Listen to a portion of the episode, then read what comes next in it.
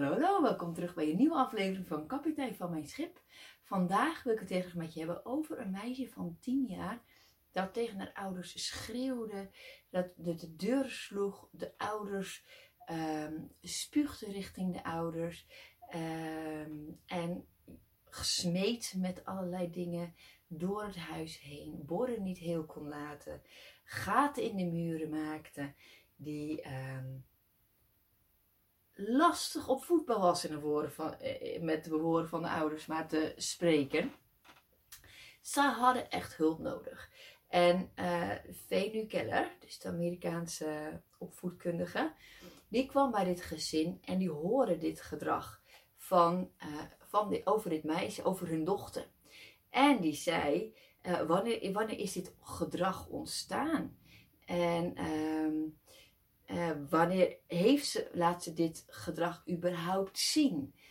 is dit gedrag als, als jullie in een gesprek met haar zijn, volledig aanwezig zijn in het gesprek? Ehm, heeft ze het gedrag dan? Of heeft ze het gedrag als jullie eigenlijk druk zijn met iets anders? Jullie zijn eigenlijk aan de telefoon of achter de laptop of achter de telefoon of wat dan ook wat je aan het doen bent. Is in gesprek met elkaar of met iemand anders en ze moet eigenlijk even wachten. Is dan dat ze uit haar dak gaat? Wanneer is het? Wanneer gebeurt dat? En die ouders moesten uh, heel goed nadenken. En die moeder die zei gewoon echt heel eerlijk, ik moet je heel eerlijk zeggen, ik weet het niet zo goed. Want eigenlijk is dit de norm. Ze, ze, dit is gewoon hoe ze ons behandelt. Dit is gewoon haar gedrag. Dit is gewoon eigenlijk altijd zo. Dus ik vind het eigenlijk best een hele lastige vraag. En die vader die zei, ik denk dat ze controle wil hebben over de situatie en dat ze aandacht wil. Aha, nou dat is, dat is interessant waarom zou ze uh, controle willen hebben over een bepaalde situatie? Waarom is dat belangrijk voor haar? Vroeg uh, Venu dus aan de ouders. Um, wil, is dat omdat ze zichzelf wil bewijzen? Uh, om te laten zien van hé, hey, ik ben groot en verwijs genoeg om zelf mijn eigen keuzes te maken? Um, of probeert ze gewoon uit te vinden wat ze waard is? Wat zit er eigenlijk achter dit gedrag? En die ouders zeiden er ook gelijk: Joh, ik heb er nog nooit zo over nagedacht. Ja, achter elk gedrag schuilt een bepaalde behoefte.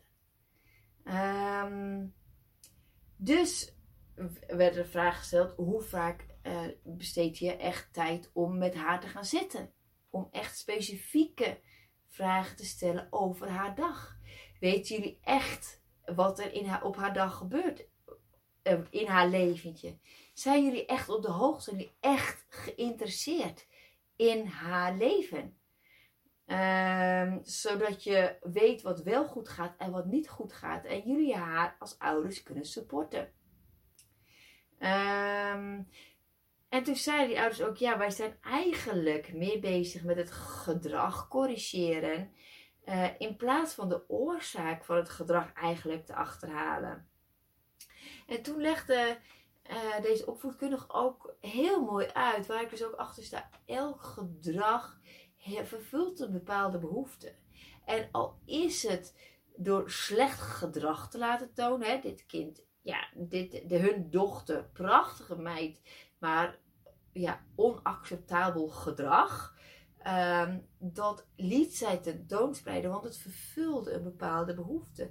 De ouders zagen haar op dat moment en waren vol in presence om haar te corrigeren. Met z'n tweeën waren ze bezig om met haar volledig bezig te gaan. En uh, toen zeiden ze ook van, oh, als ze dat anders, dus als je nu die aandacht gaat geven zonder dat ze slecht gedrag vertoont, hoeft ze dat gedrag ook niet meer te vertonen. Want als je echt geïnteresseerd gaat zijn in het leven, zul je merken dat het slechte gedrag vanzelf verdwijnt. Want ze heeft dat niet meer nodig. De behoefte om gezien te worden, de behoefte om te laten zien dat zij um, haar eigen keuzes kan maken en dat je daarover in gesprek kunt gaan, dit wordt gezien. Dus de slechte aandacht is dan niet meer nodig. En dat vond ik echt ook zo'n mooi voorbeeld. Dat ik geloof er zelf ook heel erg in dat soms hebben onze kinderen bepaald gedrag wat wij niet fijn vinden. Ehm, maar dat is omdat ze iets nodig hebben. En als jij er als ouder naar achter komt wat eigenlijk is wat hun behoefte is. Hè? Dus bij slecht gedrag vraagt er ook wat heb je nodig. En als je merkt dat daar heel veel emoties uitkomen, hoe voel je je nu? Zodat je, je, zodat je laat zien dat je ze ziet en dat er emoties mogen zijn, dat ze zich ook mogen voelen, dat ze zich gezien en gehoord voelen. Dan zul je merken dat je andere gesprekken gaat krijgen en dat het slechte gedrag uiteindelijk minder zal gaan worden. Wat zijn nou bepaalde dingen die je kunt doen als je kind bepaald slecht gedrag vertoont? Waarvan je denkt, nou dat vind ik echt niet fijn, dan wil ik echt dat het mee stopt. Wat voor activiteiten, wat voor dingen kan jij doen? Uh, waardoor jij je kind laat zien dat ze zich gehoord en gevoeld voelt, uh, uh, is. Dus um, daar zijn een aantal tips voor. Die ga ik in een volgende aflevering met je doorspreken. Dus ik hoop je daar te zien. Voor nu wil ik je heel graag helpen herinneren aan de verdiepende workshop die na de zomervakantie gaat beginnen.